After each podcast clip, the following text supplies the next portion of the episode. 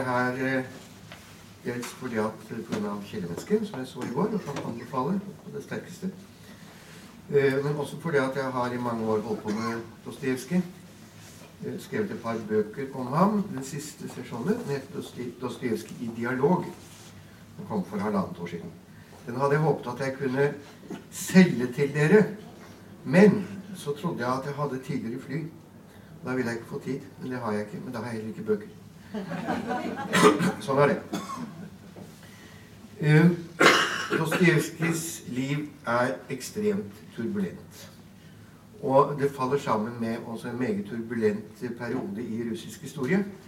I 1825 så var det noe som heter dekabristopprøret. Det var en forsøk på en, eh, å innføre reformer i Russland. Det ble slått hardt og grusomt ned av tsaren. Da var Dostojevskij fire år. Og i 1881, 1. mars, så ble tsaren myrdet, sprengt i luften av en bombe av terrorister. Og da hadde Dostojevskij vært død i bare 14 dager. Så hans liv er på en måte innrammet av de hendelsene som senere kom til å, å eh, avføde revolusjonen. Han er på en måte en slags Dostojevskij-skikkelse. Eh, han har en hel rekke eh, skal vi si voldsomme hendelser i livet sitt, slik som også svært mange av hans romanfigurer. Det begynte allerede da han var syv-åtte år. Hans far var eh, fattiglege. De bodde ved fattighospitalet i Moskva. Født i Moskva, men han var ellers St. Petersburgs dikter. Eh, da han var syv-åtte år, så fant han i parken utenfor hospitalet sin gode lekekamerat, en liten pike, som var voldtatt og, og, mishandlet. Og hun døde bare kort tid etterpå. Den verste forbrytelse, sa han senere som voksen, det er å skjende en liten pike. Og det kan vi jo være enige med ham i. Så ville faren at han skulle bli ingeniør, militæringeniør, og sendte ham til eh, militærakademiet, Eh, Ingeniørakademiet i St. Petersburg. Eh, og han ville bli forfatter. Dostojevskij selv. Han var bare 16 år da han kom dit. Men han eh, satt og leste om natten og skrev om natten og ekserserte om dagen. Så det han lærte iallfall der, det var å arbeide om natten. En, en vane som han kom til å fortsette å ha resten av livet. Da han vel hadde gjennomlidd og gjennomlevet dette militærakademiet, eh, så eh, fikk han en liten jobb. Eneste betalte arbeidet han hadde noensinne. Eh, og det var eh, på et arkitektkontor. Eh, og der tegnet han en festning, men han hadde glemt å legge inn dører. Så det varte ikke så lenge, den stillingen der. Så ble han så han begynte å skrive. Jeg skal komme tilbake til eh, de bøkene han skriver der eh, om et øyeblikk. Men ta noen sånne highlights fra livet hans først. Han ble med i en, eh, en gruppe diskusjonsklubb, nærmest, eh, som diskuterte reformer i Russland. Opphevelse av livegenskap, opphevelsen av, eh, av sensuren. Og denne gruppen så tsar Nikolai den første på med den største mistenksomhet. Så de ble arrestert i april, 22. april 1848 og brakt til Peter Paulus-festningen i St. Petersburg uten noe rettssak eller noe som helst. Og der satt de til bitte lille julaften i 18... Eh, det var 49. 1849. Eh, da kom det plutselig en vogn og hentet dem. Eh, og kjørte dem til noe som heter Semjonovskij-plassen i St. Petersburg. Og der sto det oppstilt noen vogner med likkister. Og så var det et kompani soldater og så var det satt opp peler. Og så ble de organisert da, i en rekke. Og de tre første de ble brakt opp til henrettelses... Ja, nesten ikke riktig skafott, men iallfall der hvor de skulle skytes. Og ordre Dostojevskij var nummer fire. Ordre ble gitt. Legg an. Klar. Men istedenfor skyt så hørte man trommevirvler. Og det visste Dostojevskij hva betød, for han hadde jo gått på dette militærakademiet. Eh, det betød at ordren ble avbrutt. Så kom det en kurer ridende inn eh, og hadde et svært papir, eller dokument, som har begynt å lese omtrent sånn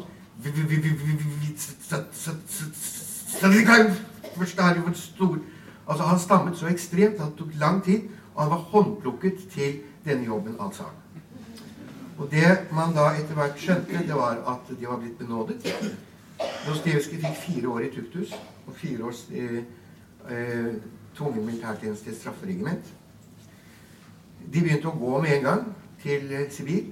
Gikk hele veien med noen sånne svære fotlenker. Eh, og han var da i fire år i tukthuset sammen med kriminelle av verste sort. Eh, blant annet så var det en som het Gazin der, som elsket å fange små barn og pine dem langsomt i hjel. Dostojevskij har skrevet om dette her i en bok som heter 'Opptegnelse fra det døde hus'. Men det forunderlige er at han, eh, han eh, oppdaget etter hvert det han kalte det reneste gull eh, under denne grå, eh, fryktelige overflaten på disse menneskene. Og han skrev, han fikk ikke lov til å skrive brev, ikke lese heller. Men da han endelig slapp ut, skrev han et langt langt brev til broren, hvor han skriver om dette, at han virkelig har kommet over et materiale som enhver forfatter ville ønske seg. Og han utviklet, kan jeg si, en evne til å se igjennom overflaten selv på ganske gufne typer. Eh, og eh, se inn i det han mente da var deres egentlige sjel. I tukthuset så hadde han første epilepsianfallet. Det var en sykdom som kom til å plage ham hele livet. Et dels voldsomme anfall. Eh, antagelig så skyldtes det en syflis, han har funnet ut. Freud har skrevet en bok om Dostojevskij hvor han mener at eh, han tror han har syfilis, nei, hatt epilepsi fra barnsben av. Den er en interessant bok, men ikke til anbefaling. Eh, et annet trekk som etter hvert dukket opp, det var jo altså han kom ut fra, fra tukthuset, og eh, da begynte han Han fikk et tidsskrift, laget et tidsskrift sammen med broren. Eh, det ble veldig populært. Eh, og han eh, skrev ennå ikke de store romanene. Og, men så tok han en liten tur til Vest-Europa. Og der oppdaget han at det lå en rulett i Wiesbaden. Han spilte på ruletten og vant. Det er jo livsfarlig. Eh, han fikk heldigvis sendt halvparten av summen hjem. Var ganske mye. Det var 6000 rubler. Eh, den, da var rubelen veldig sterk. Eh, og den eh, Altså 3000 rubler, skrev han senere, var nok til å underholde en familie på tre i ett år. Så la oss si at det var en 400 000 da, norske kroner som han vant. Eh, han kom tilbake til, eh, til eh, St. Petersburg. Til Moskva var det fortsatt. Eh, og han fortsatte med tidsskriftet, men det ble forbudt pga. en artikkel som ikke han hadde skrevet om opprør i Polen. Hva skulle han gjøre? Han reiser sammen med en ung dame som heter Apollonoria Snitkina, nei, Surslova, Reiser han på nytt til, eh, til Vest-Europa øh, og spiller. Hun reiser i forveien, og han skal komme senere. Når han kommer, så finner han en lapp på hotellet hvor det står 'Du kom for sent'. Og en, en Salvatore hadde kommet og erobret henne. Eh, så reiste han etter dem rundt omkring, og stadig spilte han og tapte. Lånte penger. Eh, og det utspiller seg virkelig et merkelig forhold mellom For han Salvatore stakk av. Uh, merkelig forhold mellom Apollon Maria Storslova og Dostojevskij.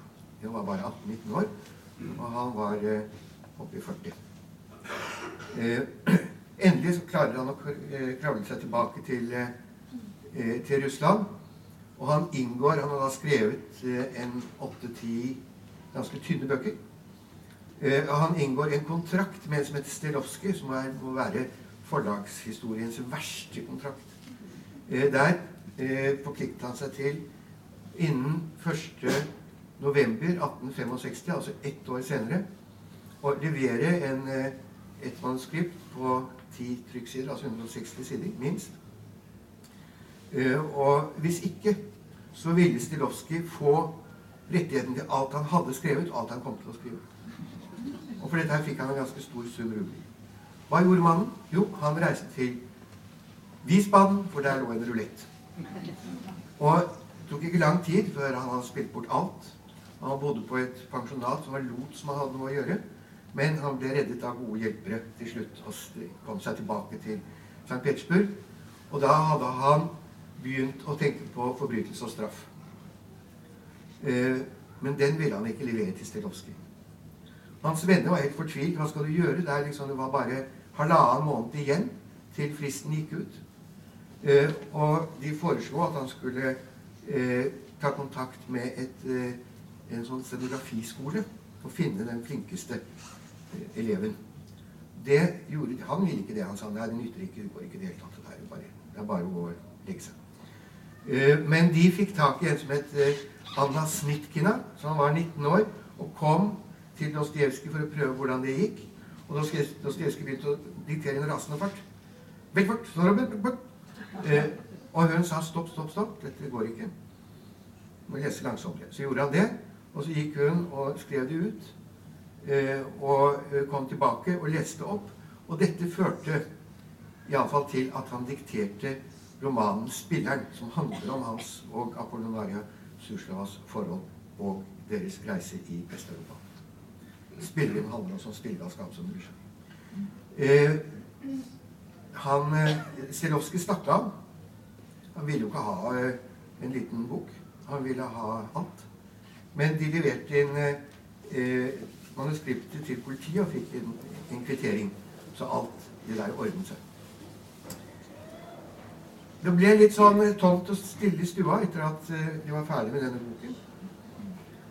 Så Dostojevskij lurte på om kanskje ja, Han besøkte henne ofte og, og syntes at det var ja, stusslig, kort sagt. Så en dag han besøkte henne, så sa han at eh, han holdt på med en ny roman. Og der var hovedpersonen en eh, litt en eldre kunstner, en maler. Ikke særlig sympatisk. Sånn. Eh, omtrent som meg. Eh, og han hadde da en modell. En ung kvinne. Ja, ikke direkte bildeskjønn, men tiltrekkende. Omtrent som den. Eh, og så var det slik at han lurte på om han kunne skrive inn i boken eh, at denne, denne kunstneren fridde til sin modell men så er spørsmålet hva ville hun svare?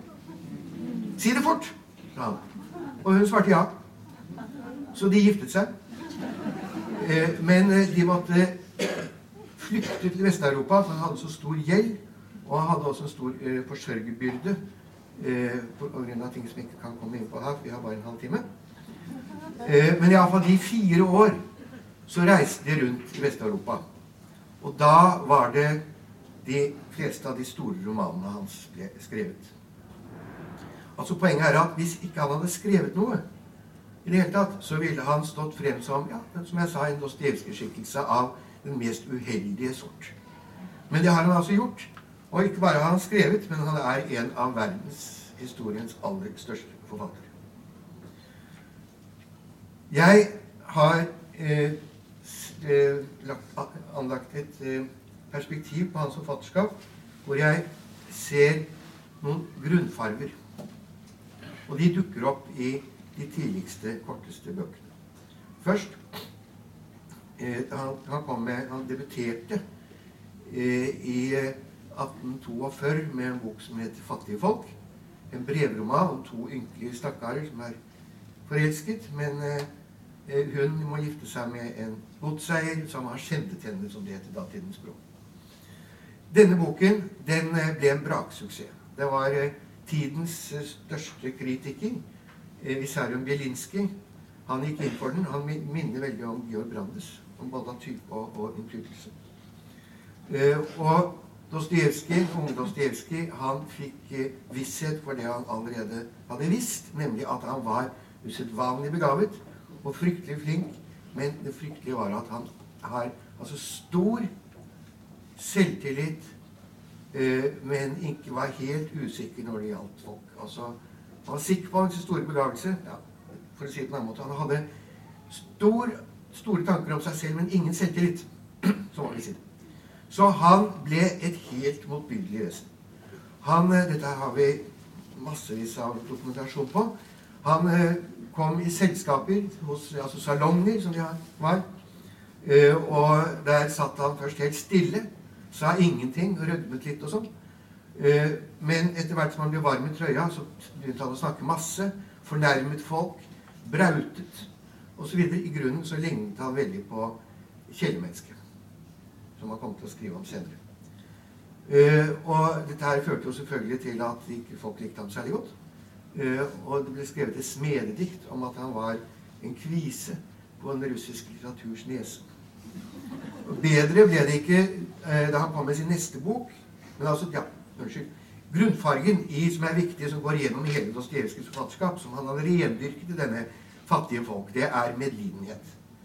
Medlidenhet med selv de mest forhutlete, stakkarene med forbrytere, med hva det måtte være. Det er før han kom i Tuktus, altså. Skriver den. Den neste boken heter 'Dobbeltgjengeren' og handler nettopp om det. Han handler om et menneske som eh, deler seg i to. Eh, og er, der er den stikk motsatt Dostojevskij av den som har medlidenhet i, i, sentrum, som vi møter. Der er det liksom som han slipper denne stakkars Goljatken, som han heter, ned i en petriskål og utsetter ham for forskjellige ting og ser hva som skjer. Og noterer. Eh, og denne Goljatkien han er også en sånn håmodig, litt brautende kjekkas, men som gjør fryktelig skandale i et selskap. Uh, og blir helt fortvilet. Og på veien hjem gjennom uh, sne og slaps og forferdelige ting, så møter han et menneske som han mener at han har sett før. Vet vel veldig godt hvem det er. Det er nemlig ham selv. Det er den yngre, Goljatken den yngre, som det står. Og Etter hvert så kommer Golatkin den yngre til å overta posisjonen i departementet der hvor den eldre arbeider. Uh, og det slutter med at helten blir sendt på sinnssykeasyl. Det interessante er at psykiatere har i ettertid påpekt at Dostojevskij har faktisk skildret en personlighetssplittelse innenfra. Og da var han altså bare 32 år. Det er neste. altså, og Dobbeltgjengermotivet går igjen i alle de store romanene. Det kan leses. Da kan dere se at eh, f.eks. Raskolnikov og Sidrigailov i 'Forbrytelse og straff' de er litt sånn speiling av hverandre. Og i 'Brødrene Karamazov' så er alle brødrene på en måte eh, hverandres dobbeltting. Så like etter at Ingen likte denne boken. Bjerinski tok avstand fra Dostojevskij. Det var noe drøvl.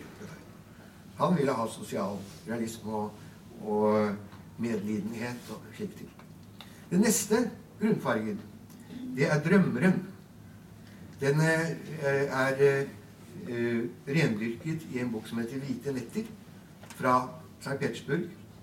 Og der står det Og det er altså drømmeren og eh, det som kommer ut av det, nemlig det han kaller sin fantastiske realisme. Sitt, eh, sin stil og sin måte å skrive på. Skal vi se hva Dostojevskij selv sier om det.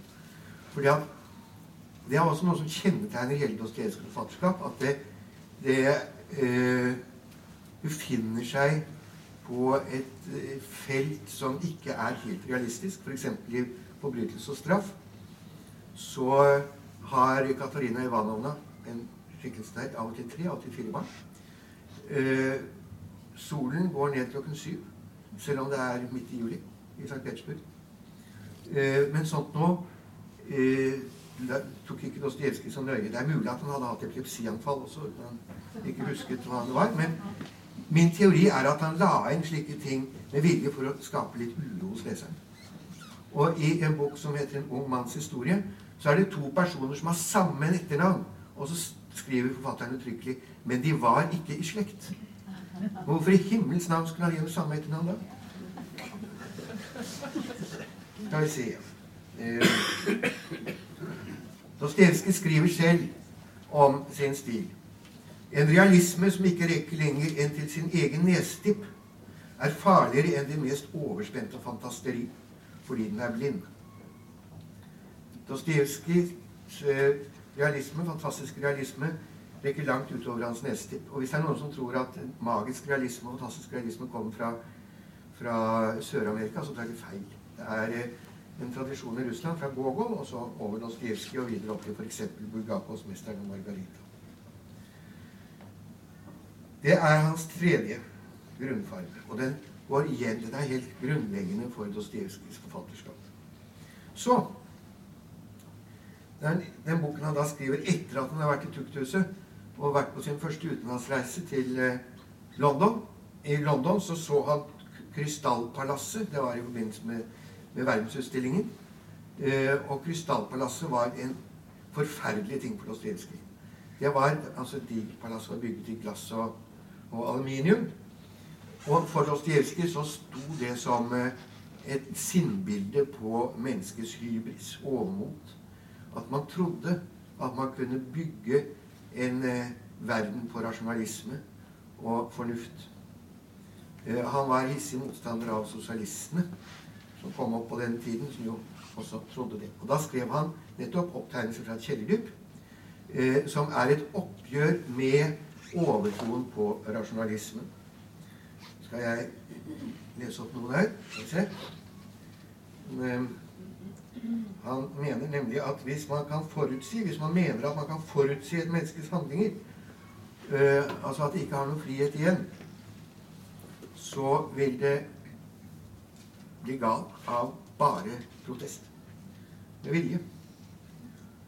La mennesket overøses med alle jordiske velsignelser. La det drukne i lykke opp til over ørene, så det bare bobler så vidt på lykkens overflate. Gi det en slik økonomisk velstand at de ikke har annet å foreta seg enn å sove, spise pepperkaker og sørge for at verdenshistorien ikke opphører. Også da vil de vise sitt sanne jeg og av ren og skjær utakknemlighet, av ren og skjær spottlyst, gjøre en eller annen heslighet. Det setter selv pepperkakene på spill og går med hensikt inn for den mest uøkonomiske galskap, utelukkende for å blande sitt eget fordervelige, fantastiske element inn i all denne positive fornuftighet. Nettopp sine fantastiske drømmer, sin simpleste toskeskap, vil ikke for noen pris gi slipp på, ene og alene for å bevise for seg selv. Og nettopp det er jo absolutt nødvendig, at et menneske fortsatt er et menneske, og ikke en klavertangent som det riktignok behager naturlovene å spille på uansett. Men de truer nå med å spille så kraftig og vedholdende at det utover kalenderen ikke vil være noe mer å ønske seg. Kritisk, eh, altså et voldsomt kritisk blikk på, på rasjonalisme, på overtroen på fornuften, er også noe som preger Dostojevskijs store romaner. F.eks. i De besatte. Så det er jo et ekstremt hissig oppgjør med nettopp sosialistene og med nihilistene, som de het på den tiden. Men det som er interessant i Dostojevskijs stil og eh, forfatterskap, det er at han er ikke altså, Forfatteren er ikke til stede som stemme. Det er De forskjellige personene har sin egen stemme, og de går sine egne veier. De beveger seg på en måte utenfor Dostojevskijs eh, eh, vilje, tilsynelatende. Og han lar dem gå og trekke på en måte konklusjoner av den posisjonen de har, den de er, som altså helt til det ekstreme. Han er ingen forkynnende forfatter, men han er en eksperimenterende forfatter. Uh, og dette fører til at den stilen er blitt kalt uh, polyfon, uh, mangetydig, hvor personene er både en idé og en person. For de er levende mennesker. Altså i den grad romanskikkelse kan være det. Det er også svært betegnende at i St. Petersburg så kan man gå og besøke Raskolnikovs leilighet. Som om han hadde vært en virkelig person. Eh, det er ikke noen andre som bor der nå, og de er veldig irritert på alle de menneskene som går opp trappen. Eh, og man kan også gå til det stedet hvor eh, pantelånersken ble myrdet. Men dette her er som, altså, som om man skulle ha besøkt Dostojevskijs egen bolig. For øvrig noe man også kan gjøre. Som ikke er langt derfra. Vel, jeg vil si at det er hans, eh, det som kjennetegner ham Nå har det snart gått en halvtime. Eh, det er Han har en tematikk som griper hele menneskehetens mangfoldige liv og et persongalleri som spenner fra helgener til forbrytere. Og han har også et dikterisk mot, for han tar sjansen på å føre ideer og, eh, og tanker og moralske spørsmål ut i sin ytterste konsekvens. Så det suger på en måte leseren inn og, og eh, etterlater leseren i en slags myr. usikkerhet. Lokker oss, han lokker oss ut fra vårt borgerlige kanarifugler. Men likevel så er det et hovedtema som går igjen hos og det er Kristus og kristendom. Det er ikke noen sånn gladkristendom. Eh, han tar tak i de aller største spørsmålene om det ondes vesen, om frihet, individets verdi og verdighet, og bolige dem slik bare en hensynsløs selviakttagelse kan gjøre. For det er nemlig det som ligger til grunn for Dostojevskijs forfatterskap. Det er at han alle disse forferdelighetene som han opplevde, de undersøker ham. Og han, eh, han bruker dem i sitt forfatterskap. Ikke bare forferdelighet, men alt annet også. Og han eh, klarer å gjøre snublestener til eh, byggestener i sitt verk. Eh, han eh, sier selv at han trekker personene ut av sitt eget indre. Det gjelder også den aller ondeste av eh, hans personer, som heter Stavrogen i De besatte. Stavrogen har hentet i mitt eget hjerte, skriver han. Eh, Kjellermennesken, som jeg anbefaler som sagt å se, der vil dere kunne gjenkjenne i ham den unge Dostojevskij. Og eh, der ser dere også hvordan Dostojevskij skildrer at selvforakt fører til hovmod. Selvforakt fører til hovmod. Det er, det er et, eh, en side av den fortellingen som er blitt eh, eh, fremhevet, så vidt jeg kunne forstå, i den forestillingen som går her. For å gi dere et siste eller et lite eksempel på hva det vil si å virkelig ha en selverkjennelse som fører til eh, både et sånt forfatterskap som han har, men også på, til helt forbløffende innsikter. Dostojevskij var også publisist, han var polemiker. Han han er ikke alltid Han er ikke polyfon i den rollen i det hele tatt. Der har han sine sterke meninger, som ofte kan være nokså ubehagelige, rett og slett. Altså, De er av nasjonalistisk karakter. Men det kom aldri inn i bøkene. Det er to forskjellige forfatterskap, det publisistiske og det skjønnlitterære. Uh, men han var motstander av juryordningen, som han diskuterte på hans tid. Uh, og hvorfor det, kan man spørre.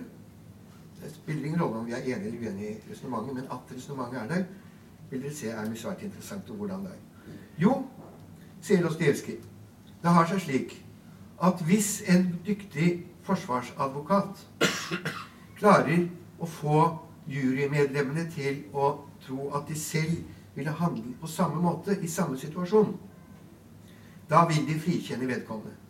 Fordi det er ingen, nesten ingen, som er i stand til å se at det de selv vil kunne utføre, er av det onde. Hvis de ser at de selv vil kunne utføre noe, så er det per definisjon godt.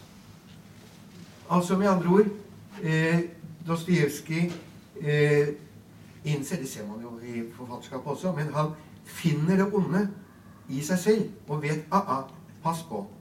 Og han regner med at andre også vil altså Han regner ikke med at så veldig mange andre vil innrømme det.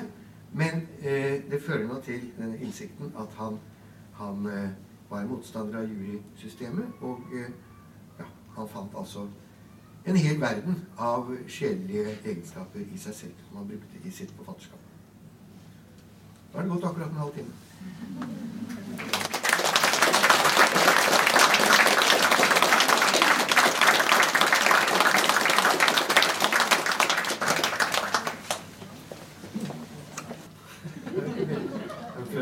Først si uh, tusen takk. Det var veldig interessant å høre på. Uh, vi har jo ramla inn i dette ene da, og har vært veldig opptatt av det lenge. Så, men det er veldig interessant å høre om uh, sjefen sjøl, da. Ja. Um, vi hadde jo premiere i går på uh, 'Kjellermennesket', som er basert på opptegnelser fra et kjellerdyp man uh, snakket om. Uh, og det gikk bra? Det? Jo. Som må se. Eh, det er jo en, eh, det er organiske ting. Men det, det føltes godt å skubbe på den utpå i går. Eh, Det gikk bra. takk. Det var det. Kjørte meg og si, men eh, det var en veldig vi fikk mye latter i går eh, på steder som jeg ikke er vant til. Og da, ja, og da kjente jeg at karakteren kjellermennesket ble provosert til dere. Og det, det ga en energi. For de lo jo av min smerte. Eh, noe som jeg òg legger litt opp til, men jeg fikk mer respons. Og det var en utrolig interessant plass å være. Eh, for han, han står jo med å vil legge fram en selverkjennelse og rettferdiggjøre seg sjøl, men òg vise hvor tervelig han sjøl er med stolthet. Eh, og når det møtes med latter, så, så skjønner jeg han jo. Ja, da blir han enda mer tervelig. Det er det er en veldig viktig fortelling i Dostojevskijs forfatterskap. Det er liksom på terskelen til de store romanene. Det er en uh, betydelig Dostojevskij-kjenner som faktisk uh, ville fylt 100 år nå i disse dager. Det er en tilstilling for ham i Moskva.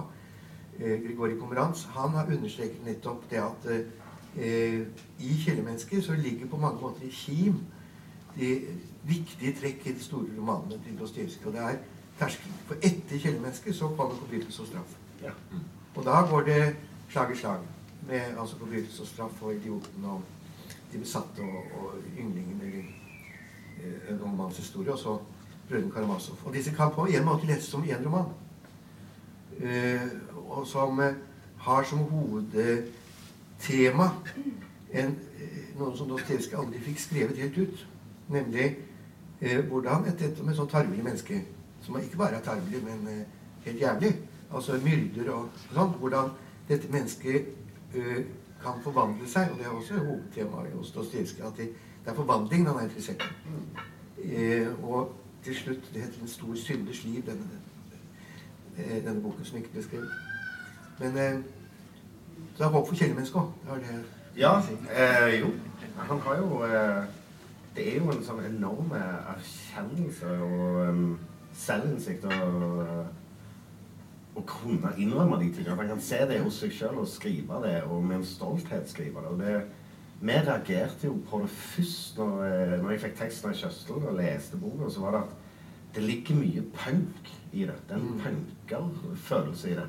Eh, antisystem, anti andre mennesker til slutt. Uh, og det syns jeg var utrolig interessant. Og, jeg, og denne tingen med å være så selvutslettende, viljen til det, syns jeg òg er Å si det syns jeg er modig og interessant. Og jeg ser på teksten som mer relevant nå enn jeg gjorde da, for da levde jeg ikke engang. Eh, nei, men jeg, jeg tror eh, verdensspeilet har blitt så mye større. Eh, så jeg tror eh, den type følelser han har, er eh, Han har i ingressen at hver generasjon må ha et kjærlemenneske. Mm. Og det, jeg tror det er flere av dem nå. Og det tror jeg vi òg ser at det, det bobler opp og bryter lykkens overflate. Ja. Det er jo forbitrelsen. Fremmedgjøringen. Mm. Så det er mye verre. Det, ja, det er vel egentlig det som vi tar mest tak i. Du var jo inne på eh, Vi har jo jobba lenge med altså Det er jo en fantastisk eh, roman, dette her, med masse god tekst. Så det var veldig vanskelig å plukke ut eh, en times lang forestilling. Noe måtte jo velges vekk. Og en av de tingene jeg slet litt med, var den, det krystallpalasset. og Den delen der har jo vi valgt å ta ut. Men eh, ja, det, det var mye sånt da, i, i forbindelse med å lage dette, rett og slett med så mye flott stoff, og så prøve å få det komprimert.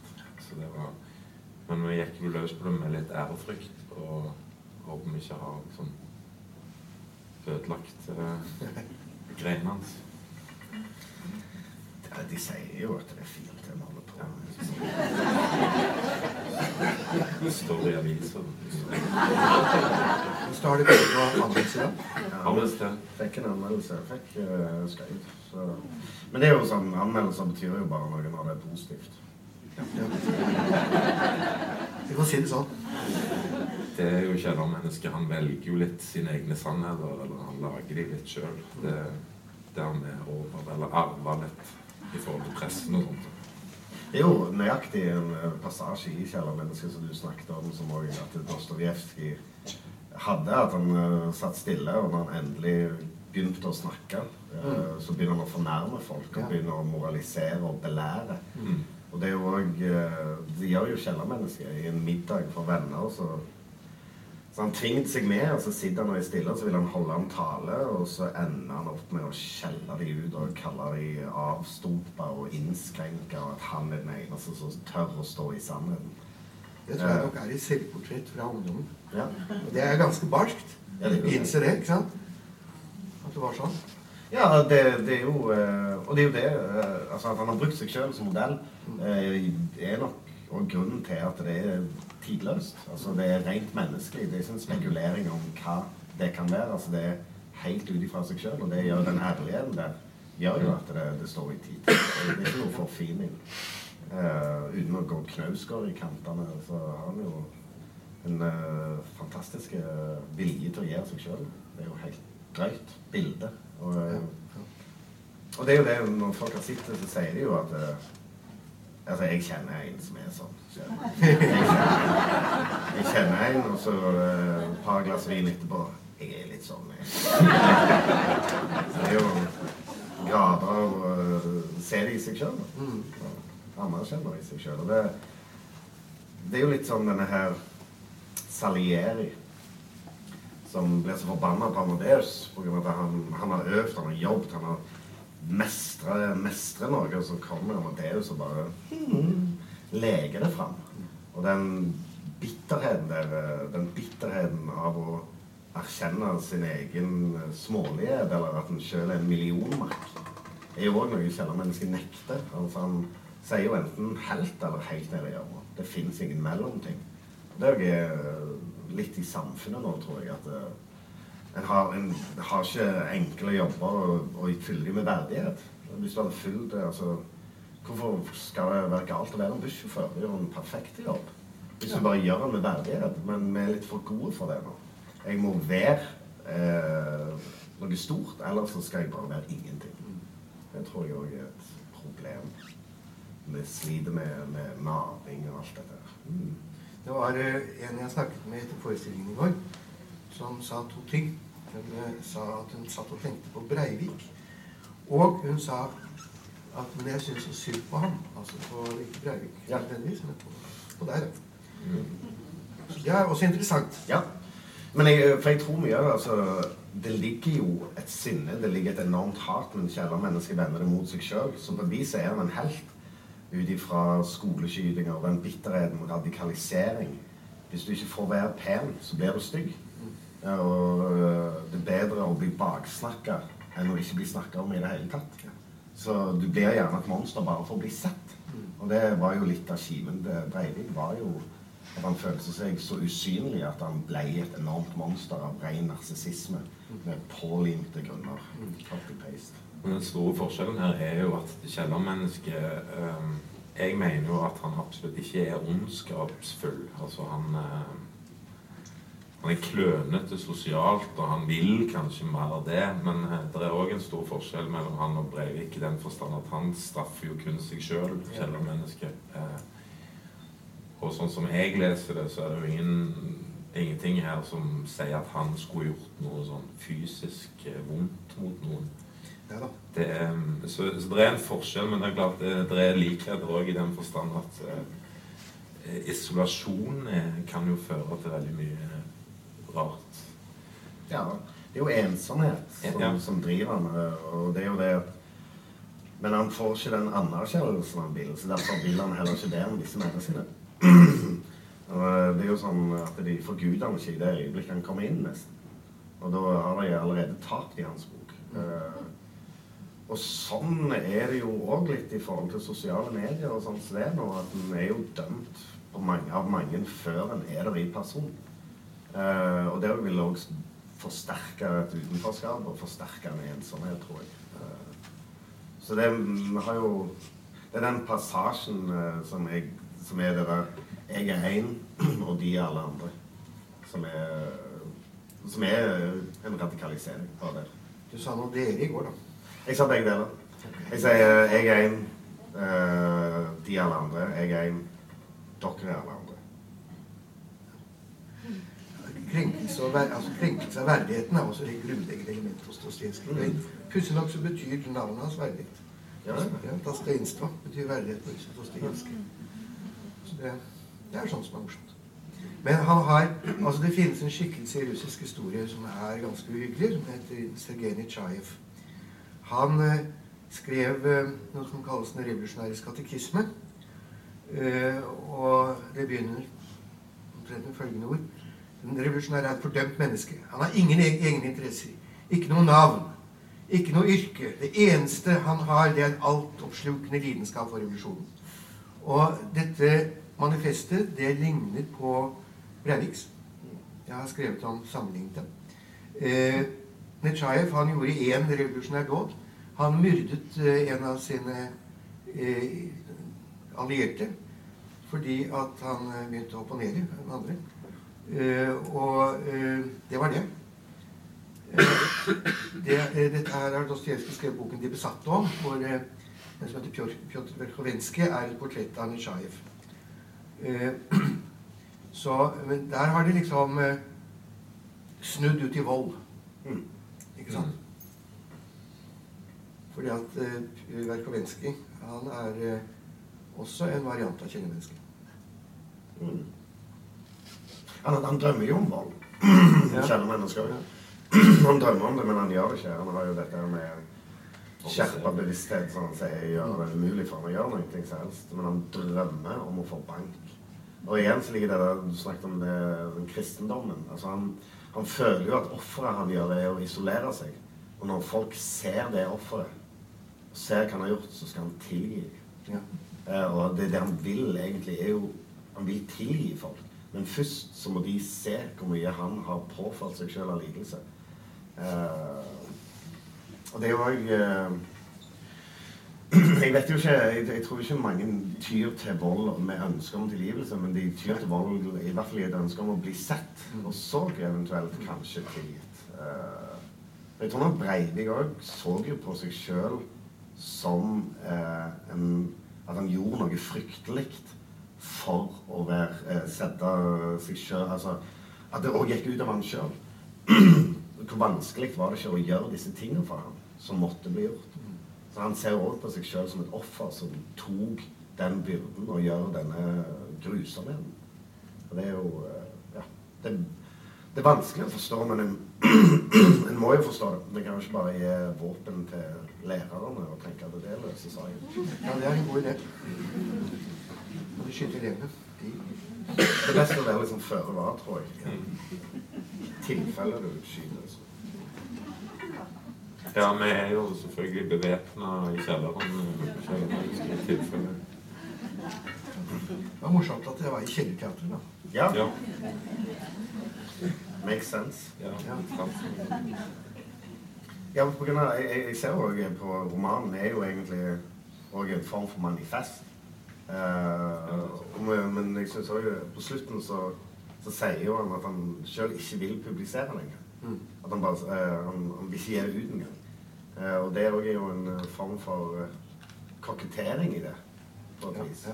At jeg har gjort alt dette, men nei. Jeg har lagd denne middagen, men jeg bare hiver meg.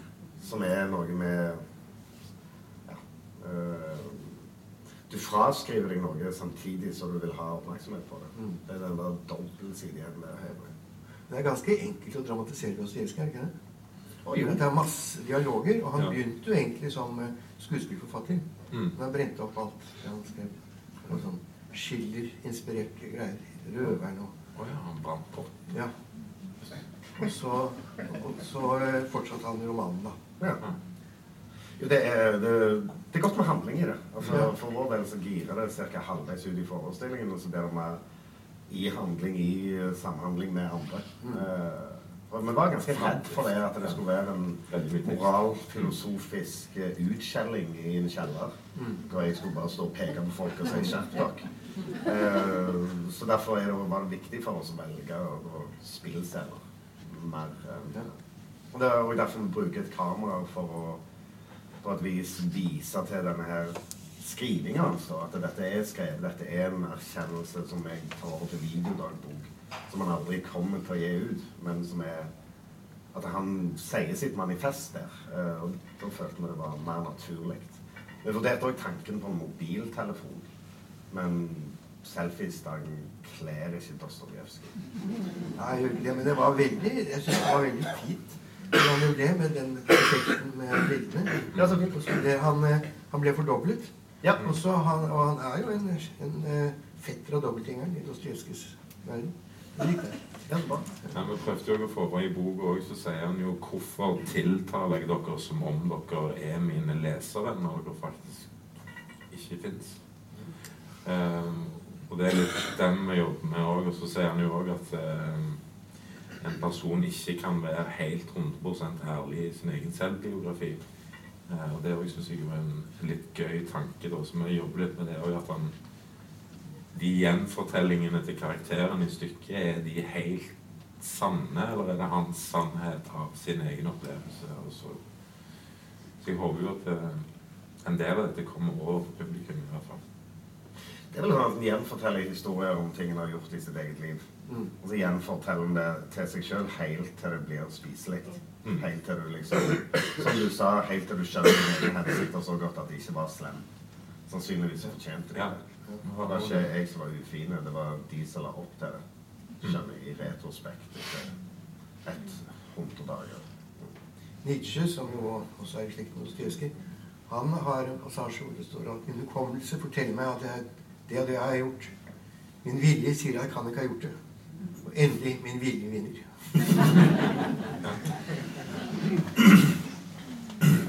Ja, det, det er jo det å Vi er jo forbi liksom ei tid hvor uh, sannhet er noe å samle på, virker det som. Og sannhet er jo emosjonelt fra nå av. Og det, det, det spekulerer jo han i òg, på et vis, når han sier to pluss to er fire. Jeg vet det, men jeg nekter å akseptere det. Mm. To pluss to er fem. Det er vakkert. Og vi lever jo i en sånn verden og hvor man kan si to pluss to er fem nok ganger, så blir det til slutt sant. Uh, To pluss to er fire er en laps som står og spytter i veien, står det i Kjellermennesket. Det er jo òg en um, Et eller annet med det der jaget vårt, eh, den hektiske greia òg. Det var jo eh, en stor diskusjon når eh, man skulle gå fra eh, svart-hvitt-TV til farge-TV. Eh, ja, da var man jo veldig bekymra for eh, om TV skulle bli eh, altoppslukende pga. at det skulle bli så realistisk med farger. Og jeg tenker jo at eh, med de mediene vi har nå, så er jo den diskusjonen den har vi vel egentlig bare lagt bak oss. Og toget går veldig fort framover. Som kanskje òg er noe av grunnen til all denne isolasjonen og ensomheten som ligger der. Men spørsmålet om det er en diskusjon man skulle tatt opp igjen. Ser vi litt mye på TV og er litt mye på internett og på smarttelefonen, kanskje? jeg velger å si ja, jeg. Ja, Jeg kan jo lese Dostojevskij på lesebrett. Ja. Ja, men det, det er jo eh, eh, Jeg syns eh, Jeg har lest litt av Storjevskij, men jeg har aldri satt meg så inn i det som dette. Men det er, gir en enorm eh, mersmak. Mm. Det jeg si. eh, Jeg kommer nok til å pleie videre inn i han. Og videre inn i meg sjøl. Det er det han får til. Og jeg, jeg synes det er fint. Ja, nå pass deg. Jeg eh, har holdt på med Dostojevskij i 45 år.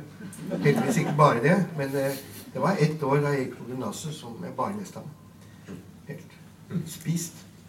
Så det har jo ført til alt mulig i mitt liv. Altså, det har, det har ført til at jeg studerte russisk. Jeg er til og med russisk gift. Og, Ja. så Dostojevskij har litt av hvert å svare på. Men det anbefaler altså jeg anbefaler. Men det, du mener òg at eh, den eh, fantastiske litteratur, eller eh, magisk realisme, er eh, russisk? Ja, altså det er selvfølgelig kommer fra flere steder, men eh, den er, først, altså det er iallfall russisk. Og Gogol er på en måte den eh, eh, forfaren da, som Dostojevskij er så veldig opptatt av, og inspirert av. To eksempler. Eh, det er en eh, fortelling som heter 'Gammeldags julaften'. Den begynner med setningen Da assessor det og det var ute og tisset, så fløy det en heks over himmelen, men han så det ikke. uh, og en annen som heter Mirgorod, så står det at eh, Midt i landsbyen var det en sølepytt så stor at ingen noensinne hadde kommet for, forbi den. Det er grunnen også som eh, sier veldig mye om Russland. Dagens Russland også.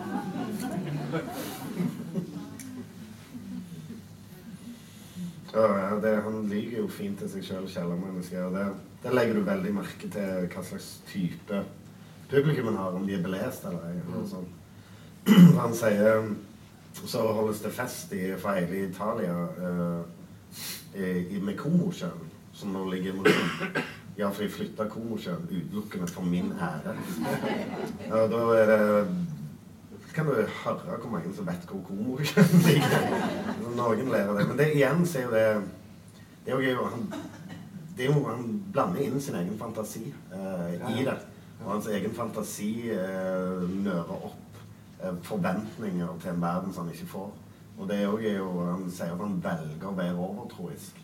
Han velger disse tingene. Han velger å tro på fantasien. Han velger å gå imot naturlovene som han føler tynger han. Og der er jo den magiske realisme er jo òg eh, selvfølgelig en subjektiv ting. Ja. Mm. At en velger å tilegne ting den verdien. Velger å la det bety noe annet enn det det gjør. Men så gir det også en større spenn på virkeligheten. Det syns jeg i høyeste grad Dostojevskijs eh, mm. bøker gjør. At det blir en, eh, blir en helt annen dimensjon. Mm. Så, men du kan sette opp flere.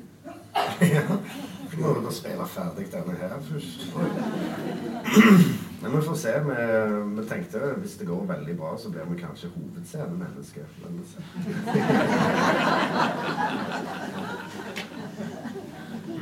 Jeg tror nok han har lyst til det. Kjærmennesker har veldig lyst til det. Ja, mener jeg. Ja, da kommer han på sin rette, mm. rette plass. ja. Men han har ikke tenkt å fremføre noe. Han har bare lyst til å få applaus i to timer. Ja. Og litt rytme i lengden. Det skal gjøre vondt. Vi har jo allerede slått fast at ingenting gjør mer nytelse enn det som gjør vondt. Man kan jo piske seg litt innimellom i en avveksling. Men se på den eh, Hva heter den, da? Plutselig glemte jeg det. Det er en liten fortelling. Det er mindre enn eh, kjellermennesket. Et latterlig menneskes drøm. Den lærer seg. Mm. Ja. Kjenner ikke, men uh... Det er skrevet bak øret. Det vil jeg lese. Mm. Jeg ble jo veldig nysgjerrig på han uh, som delte seg i to òg, jeg. Ja, Goljatken, ja. ja. ja. Det hørtes veldig tøft ut på teater, kanskje. Ja. Mm. Kaste tvillinger, da. Men først må vi gjøre selve mennesket to, for det er så mye vi mangler som vi må ha med. Så det må være Der kan du se det er farlig å å ja. med Dostojevskij. Ja, det, det, var faktisk veldig tungt å få vekk mye av teksten og få det ned. Pga. at det var så mye sånn Men dette er jo genialt. Men dette er jo genialt. Altså, jeg eh, har et eksemplar som jeg har nå kjøpt av biblioteket, for jeg leverte det tilbake. Hvor eh, jeg satte meg ned hos, hos Vegard det jeg mente bør være Så har du fem sider med blyantsteg på alle setningene nesten. Så skjønner jeg at dette nytter ikke. Det er utrolig, utrolig fint. Mm.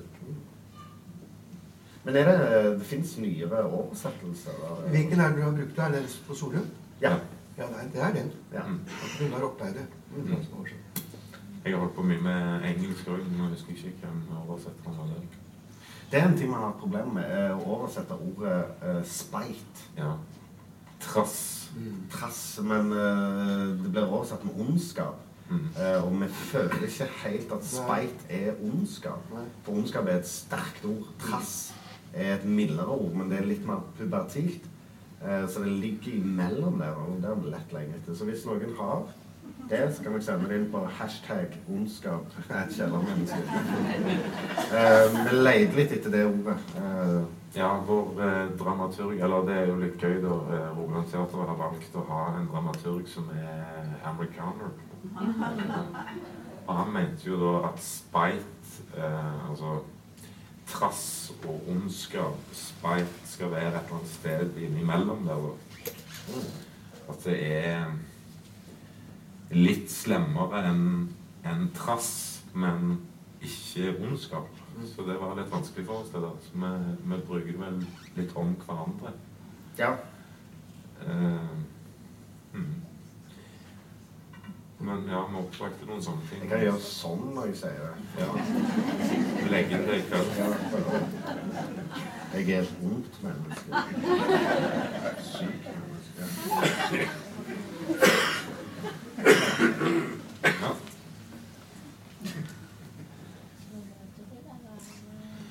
Nei, jeg vet ikke, jeg. eh, kan Vi har jo vært på premierefest. Det har vi.